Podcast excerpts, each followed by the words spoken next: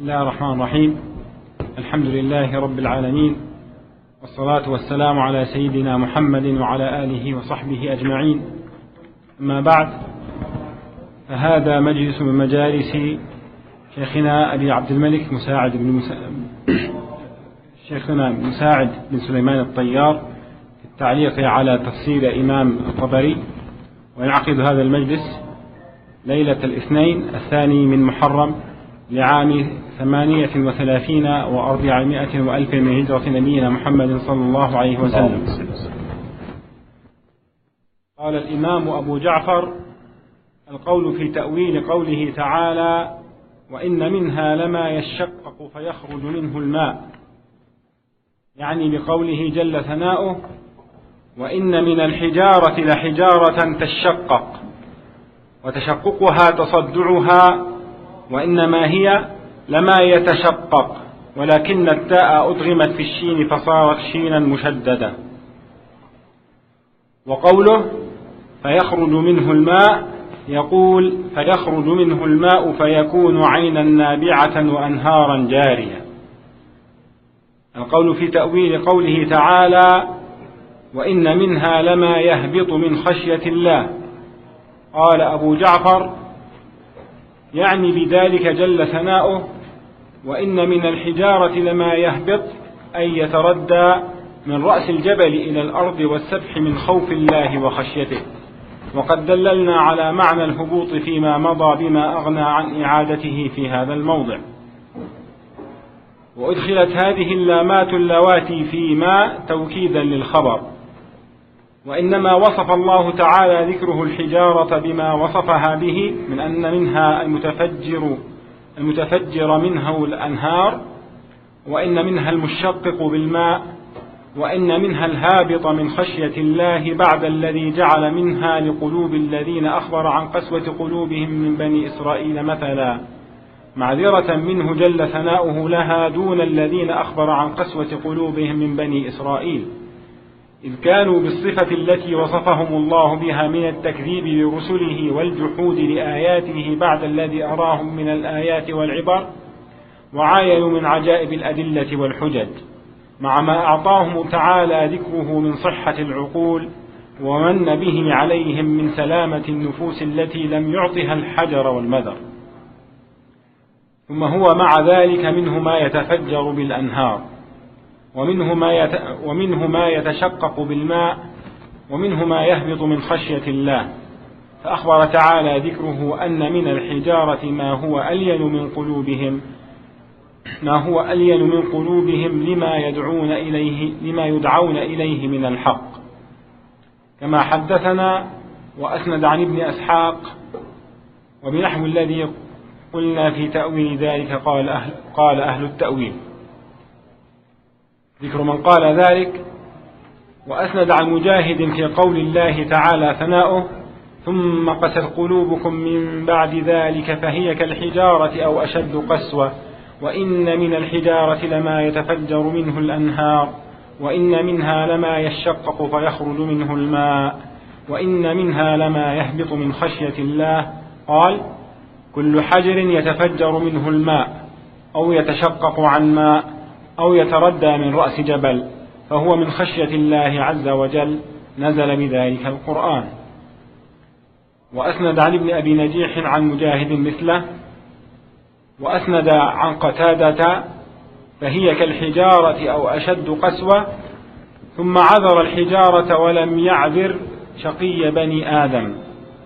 فقال وإن من الحجارة لما يتفجر منه الأنهار. وإن منها لما يشقق فيخرج منه الماء وإن منها لما يهبط من خشية الله. وأسند عن قتادة مثله. وأسند عن ابن عباس من طريق العوفيين قال ثم عذر الله الحجارة فقال وإن من الحجارة لما يتفجر منه الأنهار وإن منها لما يشقق فيخرج منه الماء. وأسند عن ابن جريج أنه قال فيها كل حجر انفجر منه ماء أو تشقق عن ماء أو تردى من جبل فمن خشية الله. نزل به القرآن. ثم اختلف أهل النحو في معنى هبوط ما هبط من الحجارة من خشية الله. قول الشيخ عبد الرحمن. بسم الله الرحمن الرحيم. الحمد لله والصلاة والسلام على رسول الله. طبعا أورد الإمام رحمه الله تعالى تفسيرا إجماليا للحالات الثلاث للحجارة. وذكر أن منها ما يتفجر منه الأنهار ومنها ما يشقق فيخرج من الماء ومنها ما يهبط من خشية الله. الله سبحانه وتعالى كما أشار الإمام في تفسيره بين أن قلوب بني إسرائيل كالحجارة أو أشد قسوة. لو وقف الخبر عند هذا يعني لو وقف الخبر عند هذا فهذا التشبيه الذي حصل بين بني إسرائيل والحجارة كان فيه يعني كان فيه على حجارة شيء من الملامة أن يقال إن الحجارة يعني فيها مثل هذه الصفة. ولهذا عبر بعض السلف بعبارة أن الله سبحانه وتعالى عذر الحجارة. فقوله أن الله عذر الحجارة هناك أنه يشير إلى ماذا؟ إلى أن الحجارة مع ما فيها من هذه القسوة إلا أنها أفضل من قلوب بعض عباده الذين تكلم الله سبحانه وتعالى عنهم. الذين تكلم الله سبحانه وتعالى عنهم وهم بنو إسرائيل. وبين الله سبحانه وتعالى هنا أن هذه الحجارة يحصل منها انفعال. يحصل منها انفعال. طبعا كلام السلف كما هو ظاهر ماشي على ظاهر المعنى بدون أن يدخلون في التأويلات وسيأتينا بعد قليل مجموعة من التأويلات التي سيذكرها عن بعض أرباب النحو وأهل الكلام ستأتي بعد قليل. لكن من خلال كلام السلف لم يعرجوا على تأويل هذه الألفاظ على غير ظاهرها. فإذا يكون الأصل بالنسبة لنا مع تفسيرهم أنهم بقوا على الظاهر أو ذهبوا مذهب التأويل. طبعا الجواب أنهم بقوا على الظاهر. لماذا؟ لأنه لو كان مذهبهم مذهب بعض المؤولين من المتأخرين للزم أن نجد بكلامهم ما يدل على ذلك.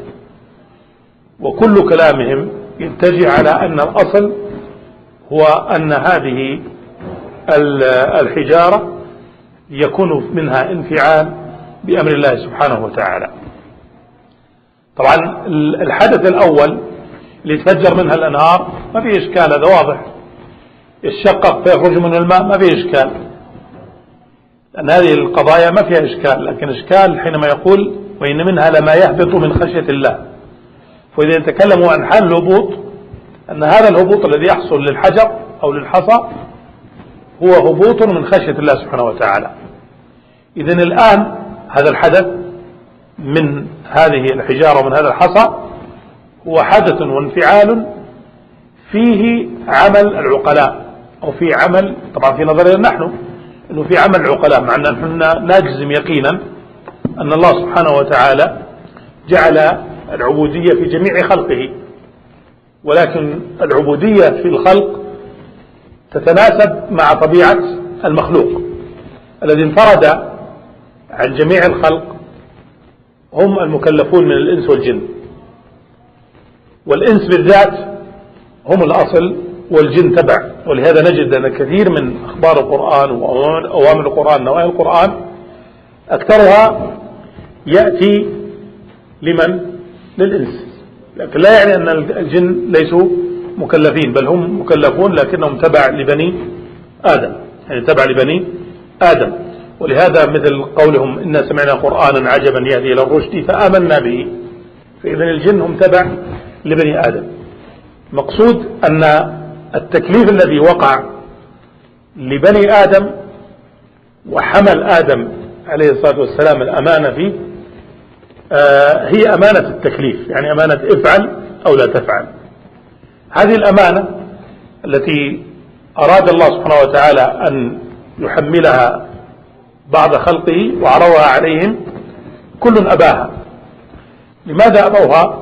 أبوها لأن هذا هذا هذه الأمانة تجعل للعبد حولا في نفسه فهم خافوا ألا يقوموا بها فتركوها الإنسان لما عرضت عليه الأمانة قبلها اللي كما قلنا أمانة ماذا؟ أمانة التكليف الاختيار أن يفعل أو لا يفعل. ولهذا كل المخلوقات كل المخلوقات هي عابدة لله لكن بإيش؟ بطريق واحد. يعني بمعنى أنها كلفت بطريق واحد. لا ليس لها أن تعصي الله سبحانه وتعالى. ليس لها تعصي الله سبحانه وتعالى. يعني كل الكون وما فيه إلا الإنس والجن. الملائكة العالم الحيوان الجمادات هذه كلها النباتات كلها عبادتها عبادة طاعة فقط. يعني يفعلون ما يأمر الله سبحانه وتعالى. وقدر لهم أقدار فيفعلونها. فهذا أيضا من العبادة التي تكون لهذه الجمادات. لكن هل نستطيع نحن أن ندرك هذا الأمر؟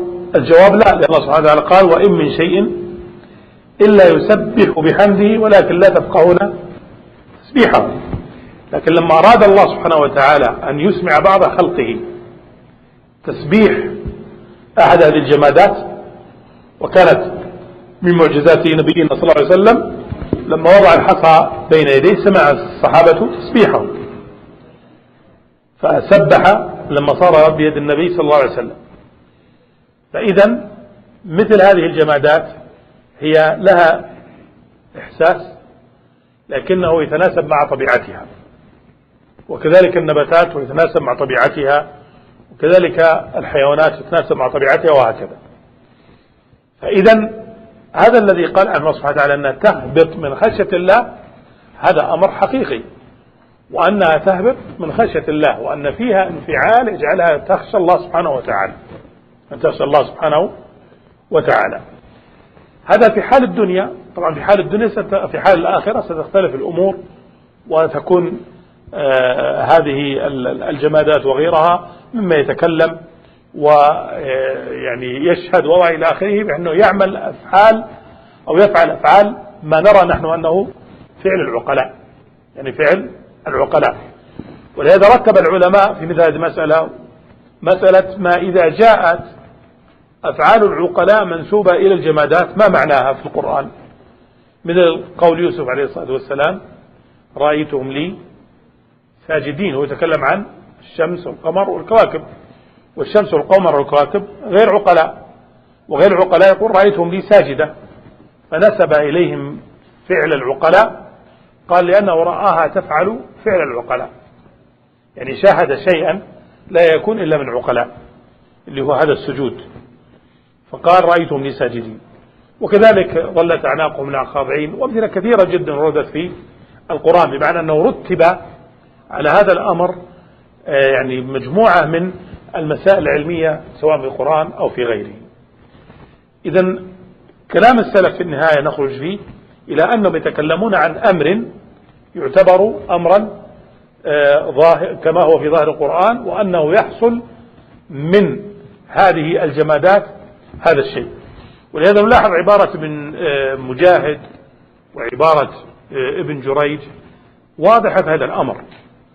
قال اللي هو مجاهد يقول أو يتردى من رأس جبل فهو من خشية الله عز وجل نزل بذلك القرآن. يعني هذا ظاهر القرآن.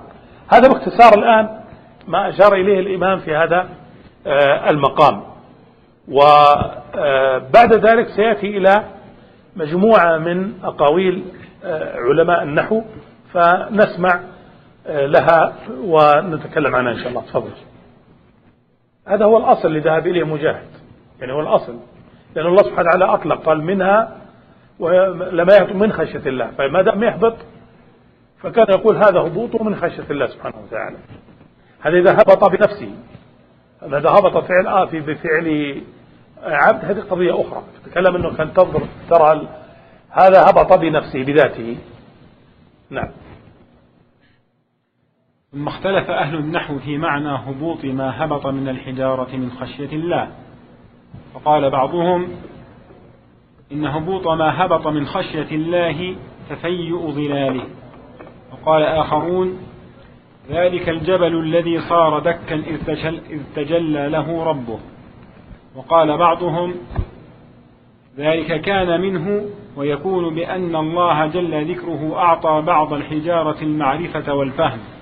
فعقل طاعة الله فأطاعه كالذي روي عن الجذع الذي كان يستند إليه رسول الله صلى الله عليه وسلم إذا خطب فلما تحول عنه حن.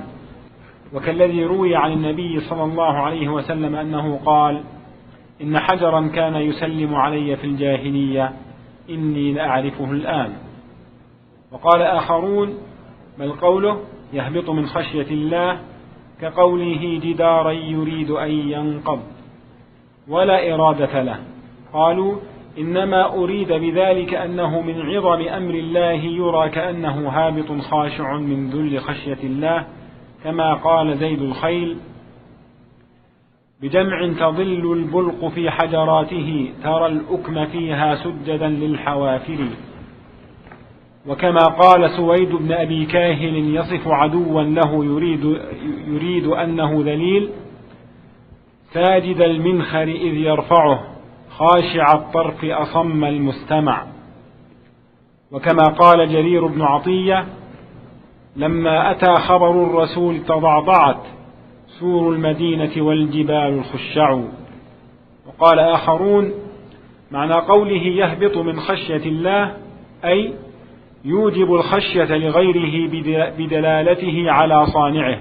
كما قيل ناقة تاجرة إذا كانت من نجابتها وفراهتها تدعو الناس إلى الرغبة فيها. كما قال جرير بن عطية وأعور من نبهان أم أما نهاره فأعمى وأما ليله, ليله فبصير. فجعل الصفة لليل والنهار وهو يريد بذلك صاحبه النبهانية الذي يهجوه من أجل أنه, أنه فيهما كان ما وصفه به. وهذه الأقوال وإن كانت غير بعيدات المعنى مما تحتمله الآية من التأويل فإن تأويل أهل التأويل من علماء سلف الأمة بخلافها فلذلك لم نستجز صرف تأويل الآية إلى معنى منها. وقد دللنا فيما مضى على معنى على معنى الخشية وأنها الرهبة والمخافة فكرهنا إعادة ذلك في هذا الموضع. نعم. لو تأملنا الآن أقوال أرباب النحو وأرباب المعاني في معنى آه، هبوط الحجارة من خشية الله يعني بعضهم ذهب فيها إلى آية النحل اللي تفيؤ الظلال فجعلوا أن هذا الفعل أن هذا الفعل هو المراد بالهبوط وآخرون حملوه على أن المراد به هذا الجبل بعينه. لأن الله سبحانه وتعالى قال وإن منها. كأنهم ذهبوا في التبعيض إلى أن المراد شيء بعينه. وليس كل يعني كل حجر يهبط يكون قد هبط من خشية الله. الثالث أيضا جعله أيضا على أنه مقصود به أيضا نوع معين. ولذا قال أنه أعطي أنه أعطى بعض الحجارة المعرفة والفهم. فإذا أيضا كأنهم جعلوها في بعض دون بعض والآية عامة وكلام السلف مثل مجاهد كما قلنا من جريج على أنه إيش؟ عام. فإذا نلاحظ هذه الأقوال كلها فيها تخصيصات بدون إيش؟ موجب. القول الرابع الذي ذكره هذا الذي يعتبر من المجاز الصريح. أنهم كانوا قالوا أنه يعني أطلق عليه أنه يهبط من خشية الله وإن لم يكن إيش؟ من أهل الخشية. يعني كأنه الآن سلب معنى الخشية منه ولهذا عبر هنا قال كأنه هابط خاشع. يعني إذا ليست صفة ذاتية له في, تلك اللحظة. وإنما صفة ماذا؟ مجازية فجعلها كالتمثيل له. يعني القائل بهذا القول. طبعا إذا القائل بهذا القول ومخالف لظاهر النص لأن الله سبحانه قال إن منها لما يهبط من خشية الله. هذا يقول هي تهبط لكن ليس فيها خشية في ذاتها وإنما هي كمن هو هابط إيش؟ خاشع. القول الخامس الذي ذكره آه، جعلها من باب الدلالة. يعني هي تجعل من يراها يخشى الله سبحانه وتعالى. ولذا قال هنا أنه يوجب الخشية لغيره بدلالته على صانعه. والقولان الأخيران هذان من أقوال المعتزلة. طبعا الإمام لم يشر إلى هذا لكن هذه من أقوال أهل الاعتزال. ولهذا لو تأملنا هذه الآية وامثالها وراجعنا تفسير المعتزلة ستجدون أنهم آه، يعني إما يذكرون هذا الأول وإما أن يذكروا هذا الثاني ليس في هذه الآية فقط بل في هذه الآية وأمثالها. يعني في هذه الآية وأمثالها. فهذه من أقوال أهل الاعتزال. والإمام لما ذكر هذه الأقوال استشهد بما استشهد به أصحاب هذه الأقوال من شعر العرب. وكان أيضا رحمه الله تعالى أيضا عادلا في حكمه على هذه الأقوال.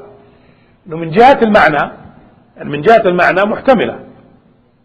بمعنى أن إذا أردنا أن ننظر إليها نظرا آه، لغويا من جهة العربية محتملة ما فيها إشكال. لكن أين وجه الإشكال فيها؟ إن هذه المعاني المذكورة وفيها تخصيصات لم ترد عن السلف والوارد عن السلف بخلافها. كما قلنا الوارد عن السلف هو إثبات الخشية الذاتية لهذا النوع من الحجارة. وأنه في كل حجر يقع بهذه الطريقة. هذا المدار كلام أو مدار تفسير السلف في هذه الجملة اللي هي وإن منها لما يهبط من خشية الله. طيب هذه الأقاويل التي ذكرها عن أرباب النحو كلها جاءت على سبيل ماذا؟ التأويل. إما أنها تخصص نوعا معينا وإما أن تسلب الخشية الذاتية التي ذكرها الله سبحانه وتعالى وهي في القولين الأخيرين. القول الأخير والذي قبله كانوا يقول إن هذه الحجارة ليس فيها خشية. ليس فيها خشية. ثم يختلفون. فالأولون يقولون نسبت لها الخشية مجازا. والآخرون يقولون إنما المقصود هو من يراها لأنه هو الذي يخشى فوصفت هي بالخشية. وأورد شواهد الشعر الذي ذكرها. والشواهد هذه دالة على أن هذا التأويل من جهة اللغة صحيح لكن ليس هو المراد بالآية ليس هو المراد بالآية. وسبق أن ذكرنا أكثر مرة تقرير الإمام وغيره فإنه ليس كل ما صح لغة صح إيش؟ تفسيرا. ليس كل ما صح لغة صح تفسيرا. ونحن نلاحظ أنه أورد لهذين القولين بالذات شواهد شعرية.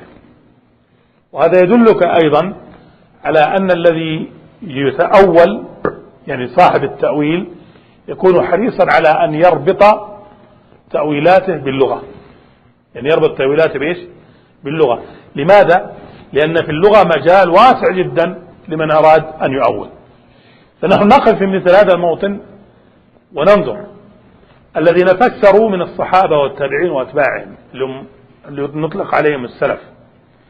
فسروا هذا هذه الآية على وجه لغوي معتبر والآخرون فسروا على وجه لغوي أيضا معتبر. لكن هل يمكن الجمع بين القولين أن نقول إنها تهبط آه، يعني تهبط آه، فيها خشية حقيقية؟ والآخرون يقول ليس فيها خشية. ما يمكن. يعني هذا يعتبر ماذا؟ تضاد. يعني لا يمكن أن أن يجتمع القولان معا. فلما لم يمكن اجتماع القولين معا لا شك أن ما قاله السلف هو الأولى وهو الذي أعمله الطبري رحمه الله تعالى. هنا لما قال وإن كانت غير بعيدات المعنى مما تحتمله الآية من التأويل فإن تأويل أهل التأويل من علماء سلف الأمة بخلافها. ولهذا في مثل هذا المقام في مناقش مثل هذه القضية ننظر. هل نحن نبحث عن ما يحتمله النص أو عن ما هو مراد الله؟ لو كنا نبحث عن ما يحتمله النص نكون مثل المعتزلة. يعني بمعنى أنك إذا أردت أن, أن تنظر إلى توسيع دلالة النص على ما يحتمله من وجوه اللغة وحتى أحيانا تكون وجوه بعيدة اقرأ في تفسيرات أهل الكلام بالذات. أن تفسير أهل الكلام طبعا عند المعتزلة سيكون أكثر ومن سار على سيرهم. وعند بعض الطوائف التي دونهم سيكون أقل لكن أيضا يوجد. يعني مثل تأويلات بعض الأشاعرة والماتريدية.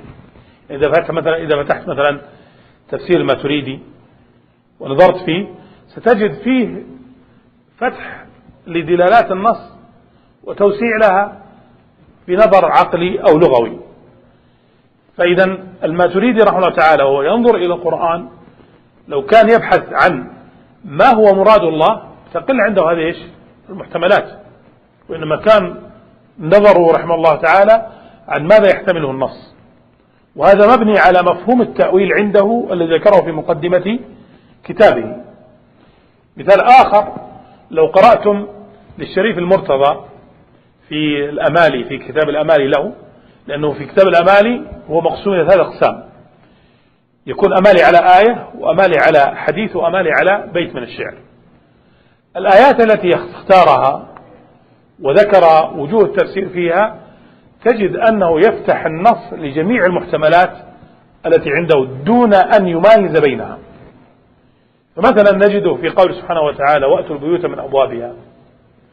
يذكر خمس محتملات لهذه الآية.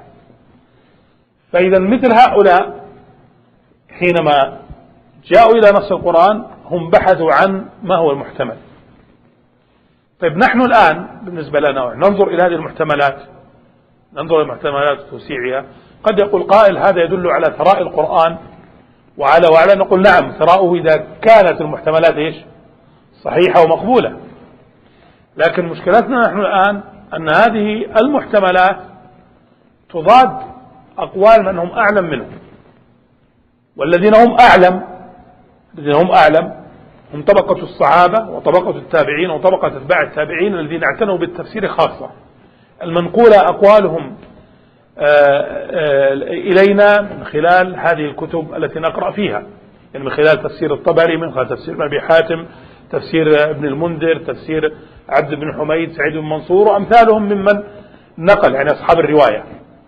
هؤلاء نقلوا لنا هذه المرويات. فنحن الآن أمام مرويات. إذا نحن أعملناها لا بد أن نبطل المقابل لها أو الأقوال الأخرى. وإذا أهملناها فستدخل علينا الأقوال الأخرى بدون قيد وبدون ضابط. فتصور أنت الآن لو ما كان عندنا قول السلف في هذه الآية. وعندنا الآن خمسة أقوال كلها محتملة. هل عندك الآن أنت كمتلقي عندك ضابط تستطيع أن تميز فيه بين هذه الأقاويل؟ الجواب لا أقول لا لكن أقول سيصعب جدا جدا لأن الضابط يكون صعب.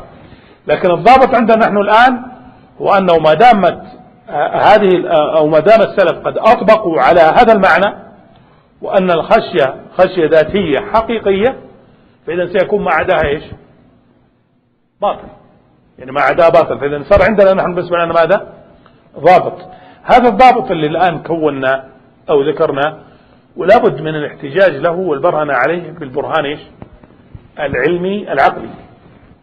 بمعنى أننا حينما نقول مثل هذا القول سيأتيك من يقول أن هذا نوع من التحكم وأن هؤلاء بشر. لماذا تلزمنا بأقوال ابن عباس وأقوال مجاهد وأقوال ابن جريج؟ هو ينظر إليهم كأفراد. نحن نتكلم عن المسألة هذه كأفراد. سبق أن نبهت على هذا وأعيده. حينما نتكلم عن هذه الطبقات تكلم عنها في حال اتفاق وفي حال اختلاف ويتمايز الأمر عنها في حال اتفاق وحال اختلاف. نحن نلاحظ هنا الآن أنه في حال اتفاق منها على أن الهبوط حقيقي. أليس كذلك؟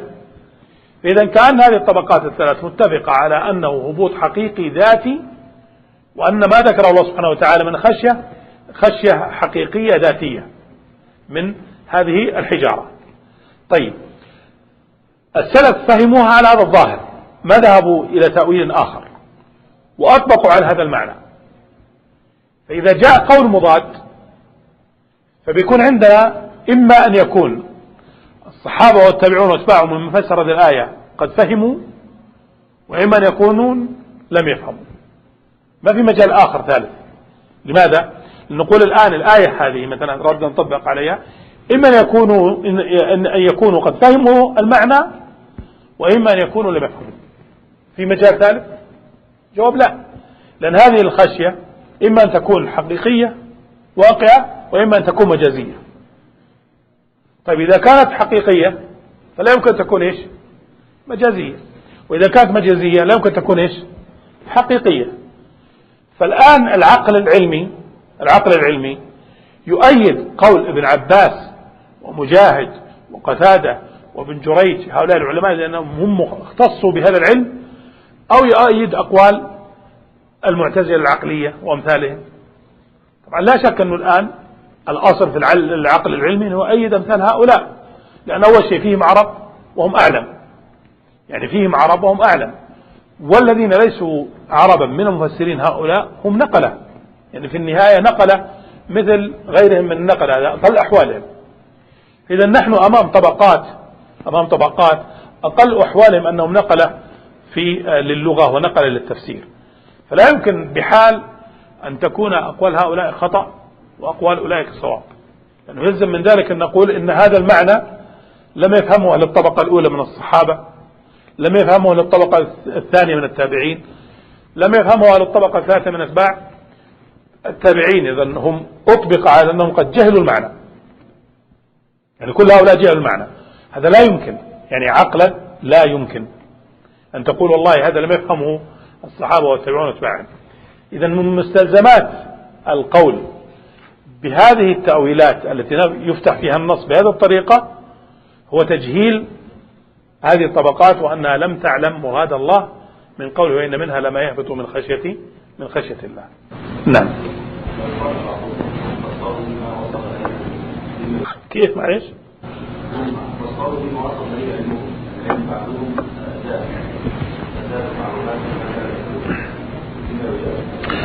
وهذا طبعا سؤال بيكون خارج مثل هذه الآية لكن لنفترض هذا السؤال أنه يقول بعضهم وهذا وارد يقول أنهم فسروا يعني السلف فسروا بما عندهم من علم ثم ازدادت إيش العلوم؟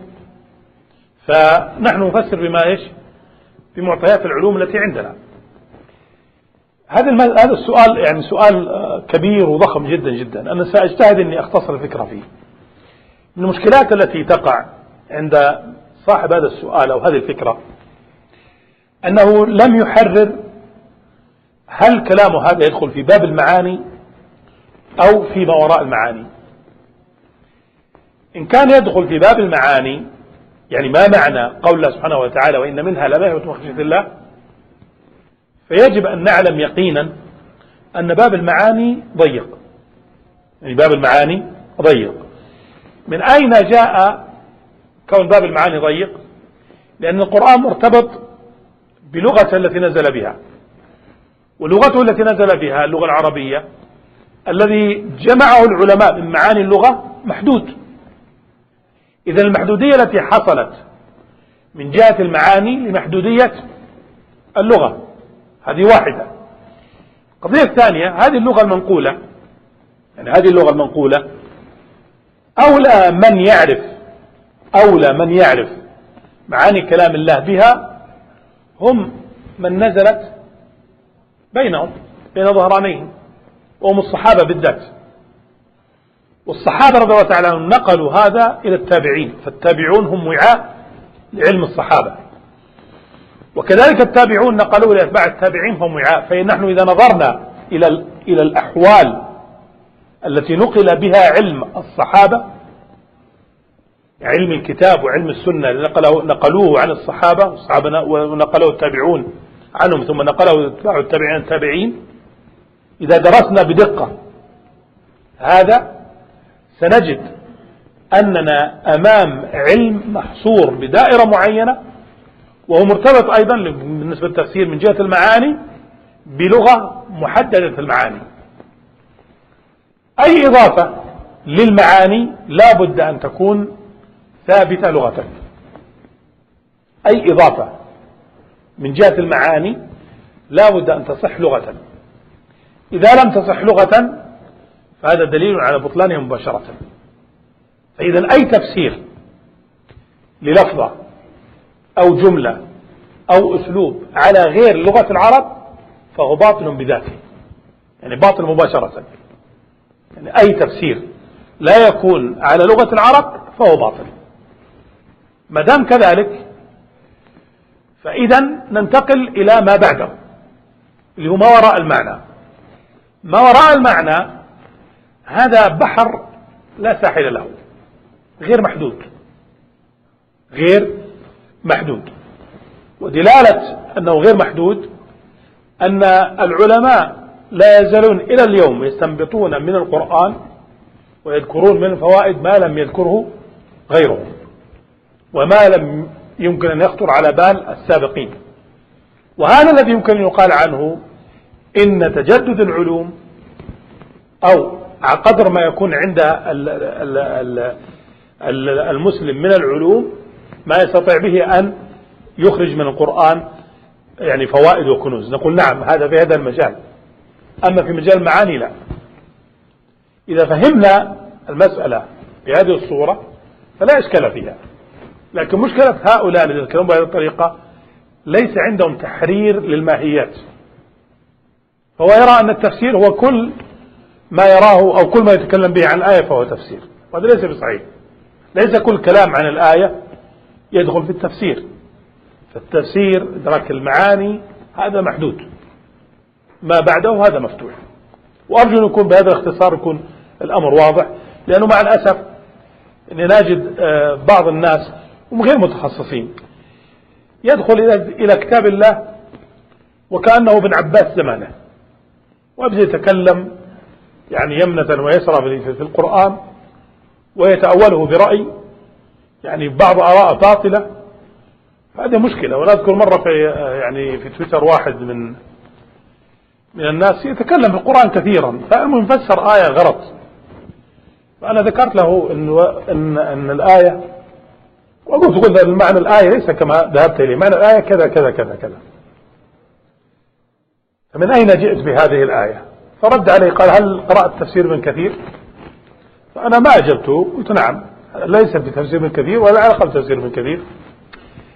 فإشكالية مثل هؤلاء يعني قد يكون بعضهم فضلاء لكنه يدخل إلى التفسير أو إلى كتاب الله بدعوى أنه عربي وأن ولقد يسرنا القرآن الذكر ويأتي بآيات كثيرة وأنا ما نقول هذا هذا كله حق لكن هل أنت حققت الأداة والآلة؟ تستطيع بها أن تفهم كلام الله سبحانه وتعالى؟ إذا كنت أحيانا تستدرك على يعني من هم في العلوم الشرعية أحيانا لكنه غير متخصص في التفسير فيقع عنده إشكالات. فما بالك بمن يكون دون ذلك فتقع إشكالات. ونتكلم الآن في باب المعاني ليس من باب إيش؟ الاستنباطات. وإلا باب الاستنباط وأنا أرى استنباطات أحيانا جميلة جدا تجد أنه إذا فهم المعنى صوابا يستطيع أن يستفيد منه في بعض تخصصاته. يعني التربوي يستفيد التربية. إداري يستفيد منه الإدارة اقتصاد يستفيد منه الاقتصاد وهكذا. لكنه مبني على صحة المعنى. لكن لو فهم المعنى خطأ في الغالب يقع عنده ماذا؟ استنباطات أيضا خطأ. نعم شيخ. وقول في تأويل قوله تعالى وما الله بغافل عما تعملون يعني بقوله وما الله بغافل عما تعملون وما الله بغافل يا معشر المكذبين بآياته والجاحدين نبوة رسوله محمد صلى الله عليه وسلم والمتقولين عليه الأباطيل من بني إسرائيل وأحبار اليهود عما تعملون من أعمالكم الخبيثة وأفعالكم الرديئة ولكنه يحصيها عليكم فيجازيكم بها في الآخرة أو يعاقبكم بها في الدنيا وأصل الغفلة عن الشيء تركه على وجه السهو عنه والنسيان له. فأخبرهم تعالى ذكره أنه غير غافل عن أفعالهم الخبيثة ولا ساه عنها بل هو لها محسن ولها حافظ. القول في تأويل قوله تعالى أفتطمعون أن يؤمنوا لكم؟ يعني بقوله جل ثناؤه أفتطمعون أصحاب محمد يقول أفتطمعون؟ أي أفترجون يا معشر المؤمنين بمحمد صلى الله عليه وسلم والمصدقين ما جاءكم به من عند الله أن يؤمن لكم يهود بني إسرائيل؟ يعني بقوله أن يؤمنوا لكم أن يصدقوكم بما جاءكم به نبيكم صلى الله عليه وسلم محمد من عند ربكم. كما حدثت وأسند عن الربيع في قوله أفتطمعون أن يؤمنوا لكم؟ يعني أصحاب محمد صلى الله عليه وسلم أن يؤمنوا لكم. يقول أفتطمعون أن يؤمن لكم اليهود. وأسند عن قتادة أفتطمعون أن يؤمنوا لكم الآية؟ قال هم اليهود. القول في تأويل قوله تعالى وقد كان فريق منهم. قال أبو جعفر أما الفريق فجمع كالطائفة لا واحد له من لفظه وهو فعيل من التفرق سمي به الجماع كما سميت به الجماعة كما سميت الجماعة بالحزب من التحزب وما أشبه ذلك ومنه قول أعشى بني ثعلبة أجدوا فلما خفت أن يتفرقوا فريقين منهم مصعد ومصوب. يعني بقوله منهم من بني إسرائيل. وإنما جعل الله الذين كانوا على عهد موسى ومن بعدهم من بني إسرائيل من اليهود الذين قال الله لأصحاب محمد صلى الله عليه وسلم أفتطمعون أن يؤمنوا لكم؟ لأنهم كانوا آباءهم وأسلافهم فجعلهم منهم إذ كانوا عشائرهم وفرطهم وأسلافهم. كما يذكر الرجل اليوم الرجل وقد مضى على منهاج الذاكر وطريقته وكان من قومه وعشيرته فيقول كان منا فلان. يعني أنه كان من أهل طريقته ومذهبه أو من قومه وعشيرته فكذلك قوله وقد كان فريق منهم. نعم. آه، قول سبحانه وتعالى أفتطمعون؟ كما تلاحظون الطبري رحمه الله تعالى يعني رد الضمائر إلى آه، يعني ما يراد بها. طبعا الضمير في قوله أفتطمعون اللي الواو هنا هو يعود إلى من؟ إلى أصحاب محمد. يعني أفتطمعون أي أفيطمع أصحاب محمد. وقوله أن يؤمنوا لكم. هنا يعود الضمير إلى اليهود. وكأن الصحابة رضي الله تعالى عنهم كانوا بالفعل يرجون أن يؤمن اليهود. لماذا؟ خاصة الأنصار. لأنه كان اليهود يخبرونهم بنبي آخر الزمان. وأنه إذا خرج فإنهم يقتلونهم قتل عاد وإرم يعني يستنصرون بنبي آخر الزمان.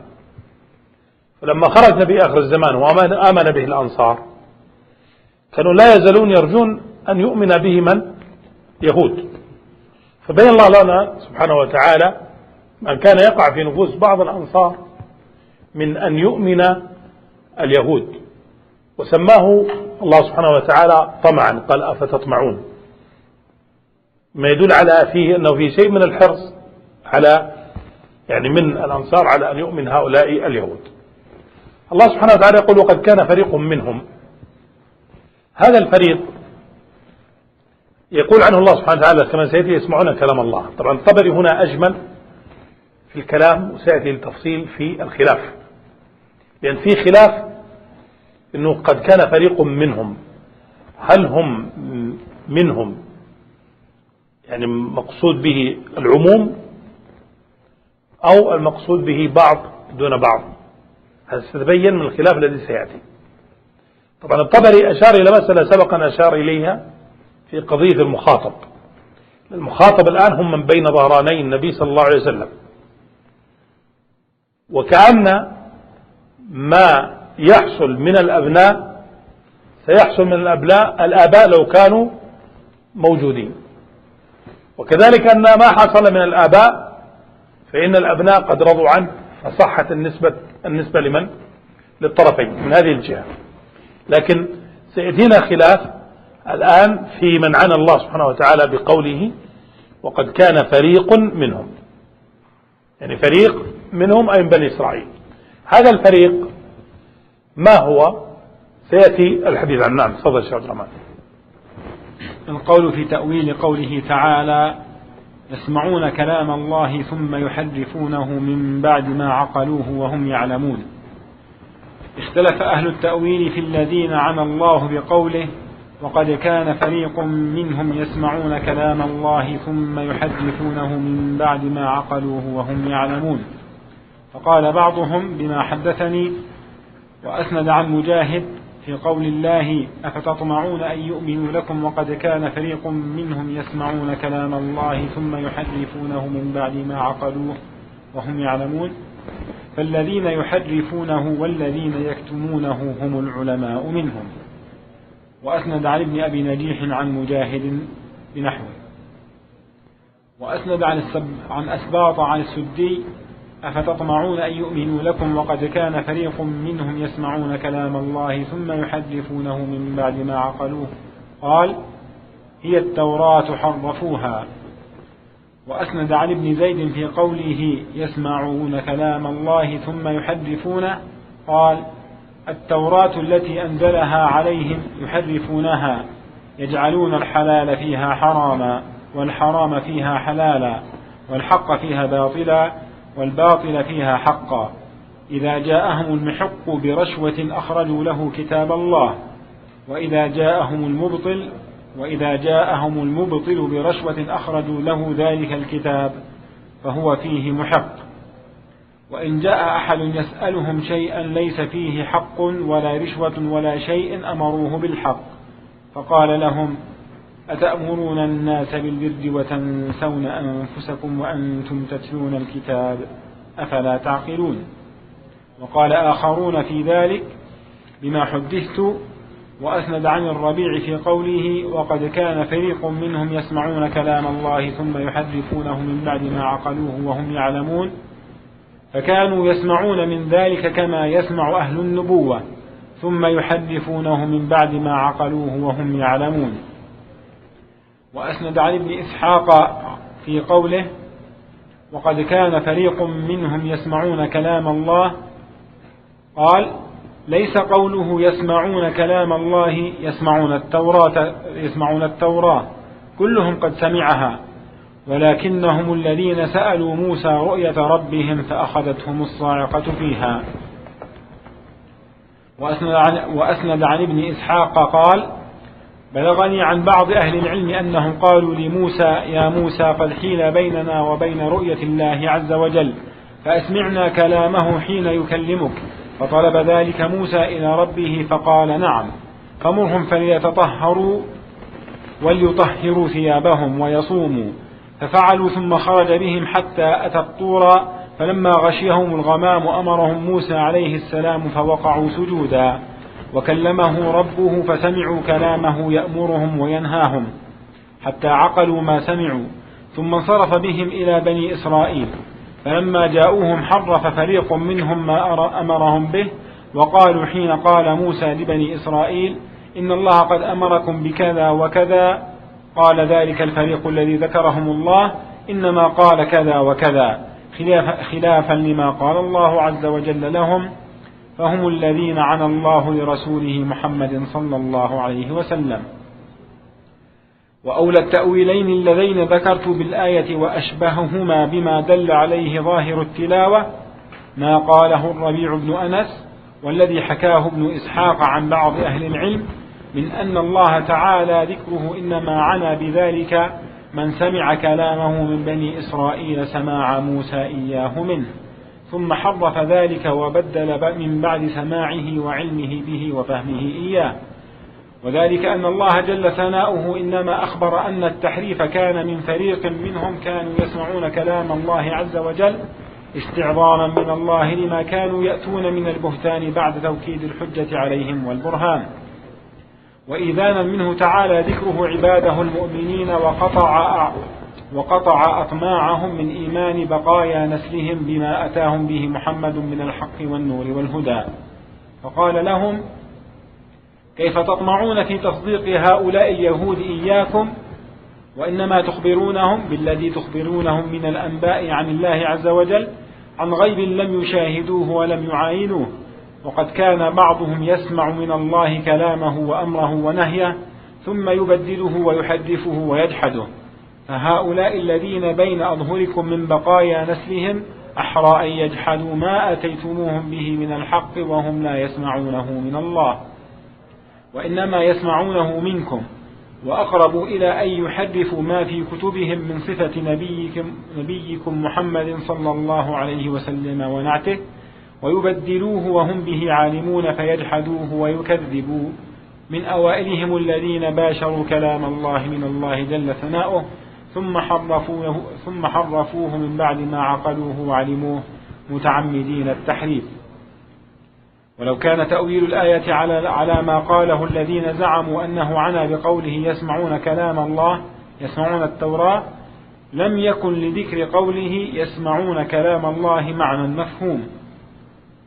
لأن ذلك قد سمعه المحرف منهم وغير المحرف. فخصوص المحرف منهم بأنه كان يسمع كلام الله إن كان التأويل على ما قاله الذين ذكرنا قولهم دون غيرهم ممن كان يسمع ذلك سماعهم لا معنى له. فإن, فإن ظن ظان أن ما صلح أن يقال ذلك لقوله يحدثون فقد أغفل وجه الصواب في ذلك. وذلك أن ذلك لو كان كذلك لقيل أفتطمعون أن يؤمنوا لكم وقد كان فريق منهم يحرفون كلام الله من بعد ما عقلوه وهم يعلمون. ولكنه جل ثناؤه أخبر عن خاص من اليهود كانوا أعطوا عن خاص من اليهود, من اليهود كانوا أعطوا من مباشرتهم سماع كلام الله تعالى ما لم يعطه أحد غير الأنبياء والرسل. ثم بدلوا وحرفوا ما سمعوا من ذلك. فلذلك وصفهم بما وصفهم به للخصوص الذي كان خص به هؤلاء الفريق الذي ذكرهم في كتابه تعالى ذكر ويعني بقوله ثم يحرفونه ثم يبدلون معناه وتأويله ويغيرونه. وأصله من انحراف الشيء عن جهته وهو ميله عنها إلى غيرها. فكذلك قوله يحرفونه أي يميلونه عن وجهه ومعناه الذي هو معناه إلى غيره. فأخبر الله جل ثناؤه أنهم فعلوا ما فعلوا من ذلك على علم منهم بتأويل ما حرفوا. وأنه بخلاف ما حرفوه وأنه بخلاف ما حرفوه عليه إليه. إليه. في فقال يحدثونه من بعد ما عقلوه يعني من بعد ما عقلوا تأويله وهم يعلمون أي يعلمون أنهم في تحريفهم ما حرفوا من ذلك مبطلون كاذبون.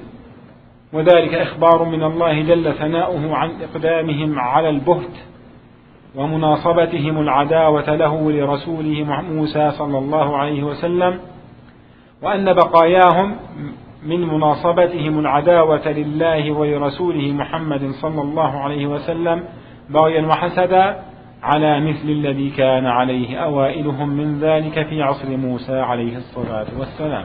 نعم. كما تلاحظون ذكر في المراد بالفريق قولين.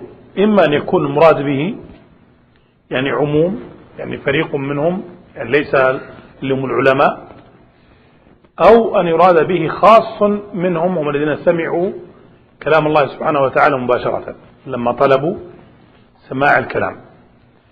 طبعا القول الأول أعم من القول الثاني. القول الأول أعم من القول الثاني. وكثير ممن يسمع الآية أو يقرأ الآية أو يستشهد بها يوجهها على القول الأول. والطبري رحمه الله تعالى وجهها على القول الثاني وذكر علة توجيهه يعني ذكر علة توجيهه. طبعا هنا في مثل هذا المقام أولا أنه يكون ثبت بالفعل أن بعض بني إسرائيل وقع منهم سماع لكلام الله سبحانه وتعالى. إذا كانوا سمعوا كلام الله سبحانه وتعالى الذي يكلم به موسى ووعوه وعقلوه ثم رجعوا إلى قومهم فأخبر موسى عليه الصلاة والسلام بما أمر الله ونهى عنه ثم جاء هؤلاء وخالفوه فهذا ليس بمستغرب على طباع اليهود. يعني مثل هذا غير مستغرب يعني على اليهود. أنه يأتي منهم من يكذب موسى عليه الصلاة والسلام علانية في هذا ويخالفه في ذلك ويدعي أنه لم يسمع هذا أو أنه سمع كذا وكذا مخالفة لموسى عليه الصلاة والسلام. فهذا من الأذية التي أذي فيها موسى إن كان وقع. وإن كان وقع فتأويل الطبري واضح جدا اتجاهه وقوته. لماذا؟ لأنه يقول وقد كان فريق منهم يسمعون كلام الله ثم يحرفونه من بعد ما عقلوه وهم يعلمون. الذين يسمعون كلام الله كلهم سمعوا التوراة. يعني كل اليهود سمعوا التوراة. كانت تقرأ في المدراس ويسمعونها. لكن ليس كلهم وقع منه ماذا؟ التحريف وإنما وقع من بعض. قال كان فريق.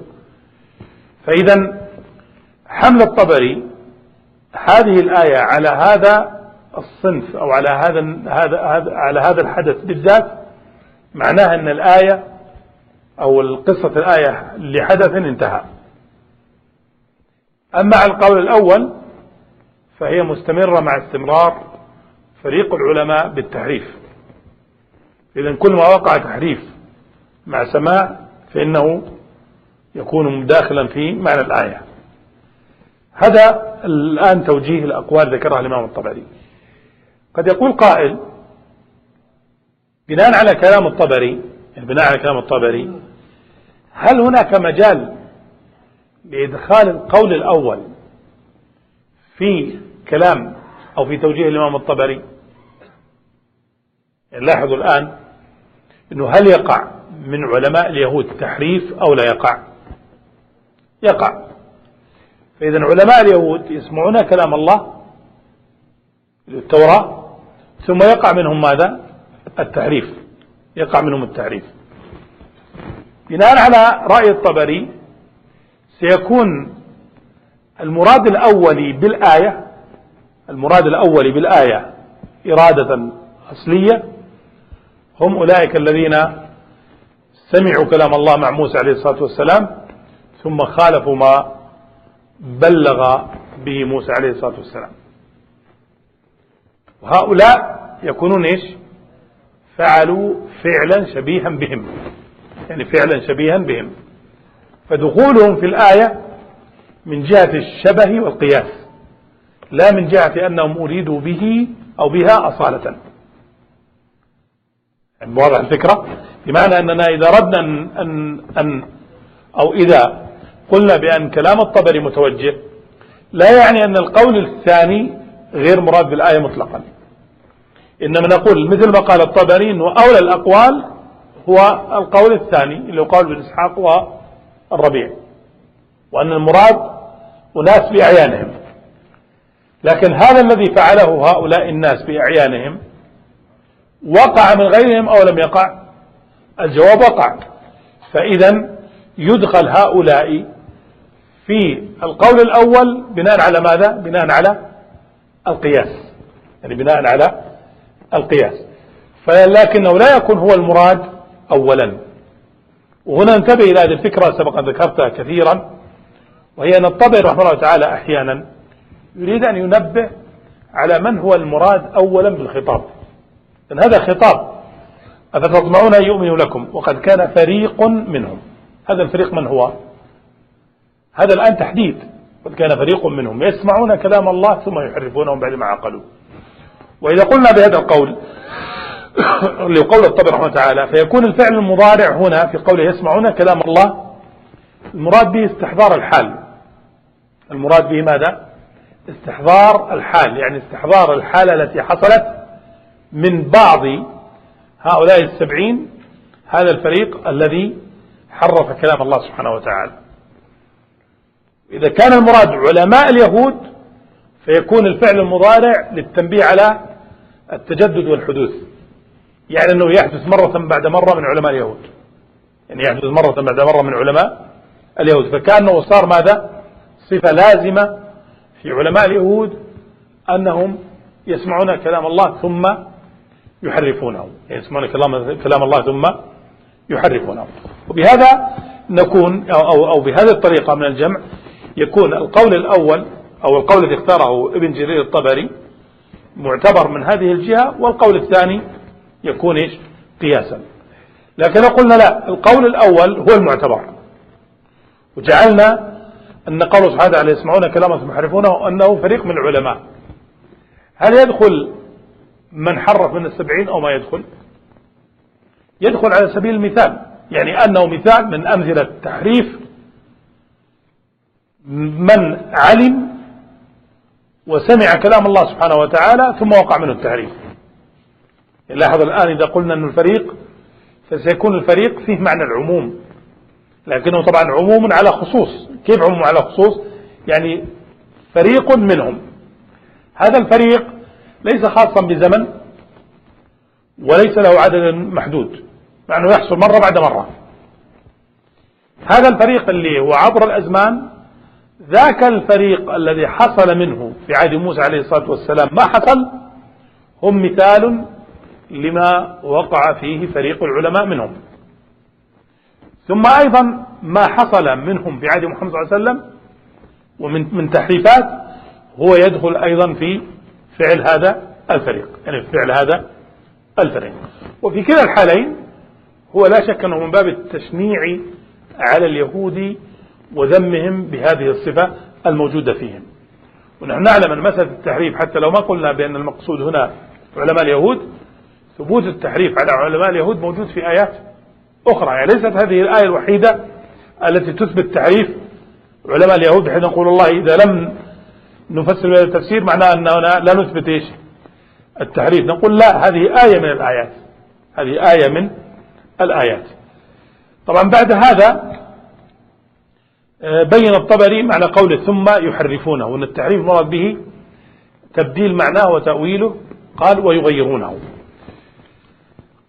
ثم ذكر أصل معنى التحريف له من الانحراف لكن السؤال الآن والذي يريده بعض العلماء هل التحريف الذي وقع إن قلنا أن المراد به تحريف التوراة هل التحريف الذي وقع تحريف في المعاني يعني في التفسير أو تحريف الألفاظ؟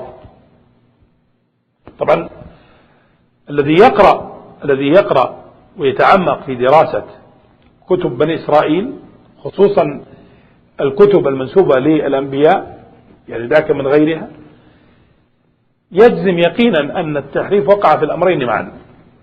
يعني وقع تحريف في الألفاظ ووقع تحريف في المعاني. لماذا وقع تحريف في الألفاظ؟ أو قل ما هو أو ما هو أكبر سبب جعل التحريف في الألفاظ موجودا في كتب بني إسرائيل عموما سواء كانت من كتب اليهود أو النصارى هو أنه لا يوجد أي كتاب من كتبهم بقي على لغته التي نزل بها. يعني من أكبر أسباب التحريف أو أن يكون في مجال للتحريف. يعني مو معناه أنهم والله حرفوا لأنهم, ترجموا لا. هم الترجمة أعطتهم فرصة لأن ماذا؟ لكي يحرفوا يعني الترجمة أعطتهم فرصة للتحريف وأتمنى تكون الفكرة واضحة هذه. يعني إحنا نتكلم عن السبب. ما نقول الله هذا عذر لهم. لا. هو تنبيه على أن الترجمة كانت هي السبيل الذي جعلهم إيش؟ يحرفون عن قصد. وهذا واضح في كتبهم. يعني واضح في كتبهم. سبحان الله كتب بني إسرائيل اللي بين يدينا اليوم إلى الآن مع محاولاتهم لتحريف ما فيها. يعني محاولات خاصة فيما يتعلق بأمة محمد صلى الله عليه وسلم أو به صلى الله عليه وسلم مما فيه من الأوصاف مع حرصهم على تحريفها إلا أنها لا زالت سبحان الله ظاهرة وقوية. يعني ظاهرة وقوية. لكن من الأبحاث اللطيفة هي معرفة طرائق تحريف الألفاظ المنصوص عليها. ليه؟ لأن الله سبحانه وتعالى يثبت أن اسم محمد موجود في كتب بني إسرائيل. ومن أصرحها عندنا في كتب النصارى بالذات قالوا مبشرا برسول يأتي من بعدي اسمه أحمد. كذا وسمعهم يعني يعني عيسى عليه الصلاة والسلام أسمع قومه هذا الاسم. قال اسمه أحمد. في نبي يأتي بعدي اسمه أحمد. ما في نبي بعد عيسى عليه الصلاة والسلام جاء اسمه أحمد إلا محمد صلى الله عليه وسلم. وهذا أحد اسمائه يعني أحمد ومحمد. ما في غيره إلى اليوم. لكن هم ماذا فعلوا بهذا الاسم لكي يصرفوه عن ماذا؟ عن الاسم الأصل الذي كان فيه. الترجمة ساعدت على أن يذكروه بوصفه ثم لما كان هذا الوصف باللغة اليونانية لا يحتمل إلا معنى الحمد ذهبوا وترجموه بمعنى آخر المعزي أو المبشر على حسب ما فعل فإذا هم أرادوا أن يبعدوه بهذه الطريقة. فإذا صارت الترجمة فرصة لإيش؟ للتحريف. يعني صارت الترجمة فرصة للتحريف. والذي عند اليهود من مثل هذا كثير. الذي عند اليهود من هذا كثير. بل اليهود عندهم كما ذكر بعض آه، علماء يعني كان كان يعني عالما بالكتاب المقدس عبد الله حديفت وأسلم وكتب كتاب عن اسم محمد صلى الله عليه وسلم في كتب بني إسرائيل. ذكر نموذج من نماذج تحريف بني إسرائيل بحساب الجمل أنهم يأتون إلى الاسم المنصوص عليه فيغيرونه بكلمة. حسابها في الجمل يساوي حساب كلمة إيش؟ محمد. يعني حسابها بحساب الجمل يساوي حساب كلمة محمد. فيكون من الذي يعرفه بناء على هذا؟ هم فقط علماء بني إسرائيل. يعني طبقة قليلة جدا جدا من الأحبار. وأما غيرهم يسمعون هذا هذا هذا المذكور لكن ما يعرفون من هو. يعني ما يعرفون من هو. يقرؤونه ما يعرفون من هو. لأنهم أبعدوه إبعادا تاما عن ماذا؟ عن اسم محمد. عن اسم محمد. فإذا الذي وقع والله أعلم من التحريف هو وقع في الأمرين. طبعا ما تحريف التفسير فهذا كثير. يعني أنت تريد تنظر لتحريف التفسير اقرأ أي كتاب يعني أي, ترج أي, أي تفسير لعالم من علماء اليهود يعني من أحبار اليهود أو من النصارى لكتبهم. ستجد من التحريف يعني ما الله به عليم. يعني نوع من يعني ما يسمى بالغنوصية في الفكر يعني شيء لا يمكن لا يمكن العاقل أن يقبله. في تفسير بعض الأحداث أو بعض المجريات المذكورة في آه، كتب بني إسرائيل تجد تفسيرهم لها غريب جدا جدا جدا. وإذا, وإذا أردت أن تفسر بعض المواطن على طريقتهم ستجد أنها تناقض طريقتهم. وموضوع في هذا يطول لكن طبعا فيه كتب وفيه أيضا مواقع لبعض يعني المسلمين ناقشت هذا وأفاضت فيه. يعني أفاضت فيه في بعدهم أو, أو في انحرافهم حتى في فهم هذا الكتاب الذي هو محرف الآن. يعني هو محرف ويزيدون تحريفه بماذا؟ بتأويلات بعيدة جدا جدا جدا.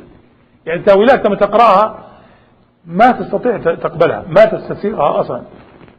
لا تستطيع أن تقبلها إطلاقا. تحاول أن تقبلها ما تستطيع.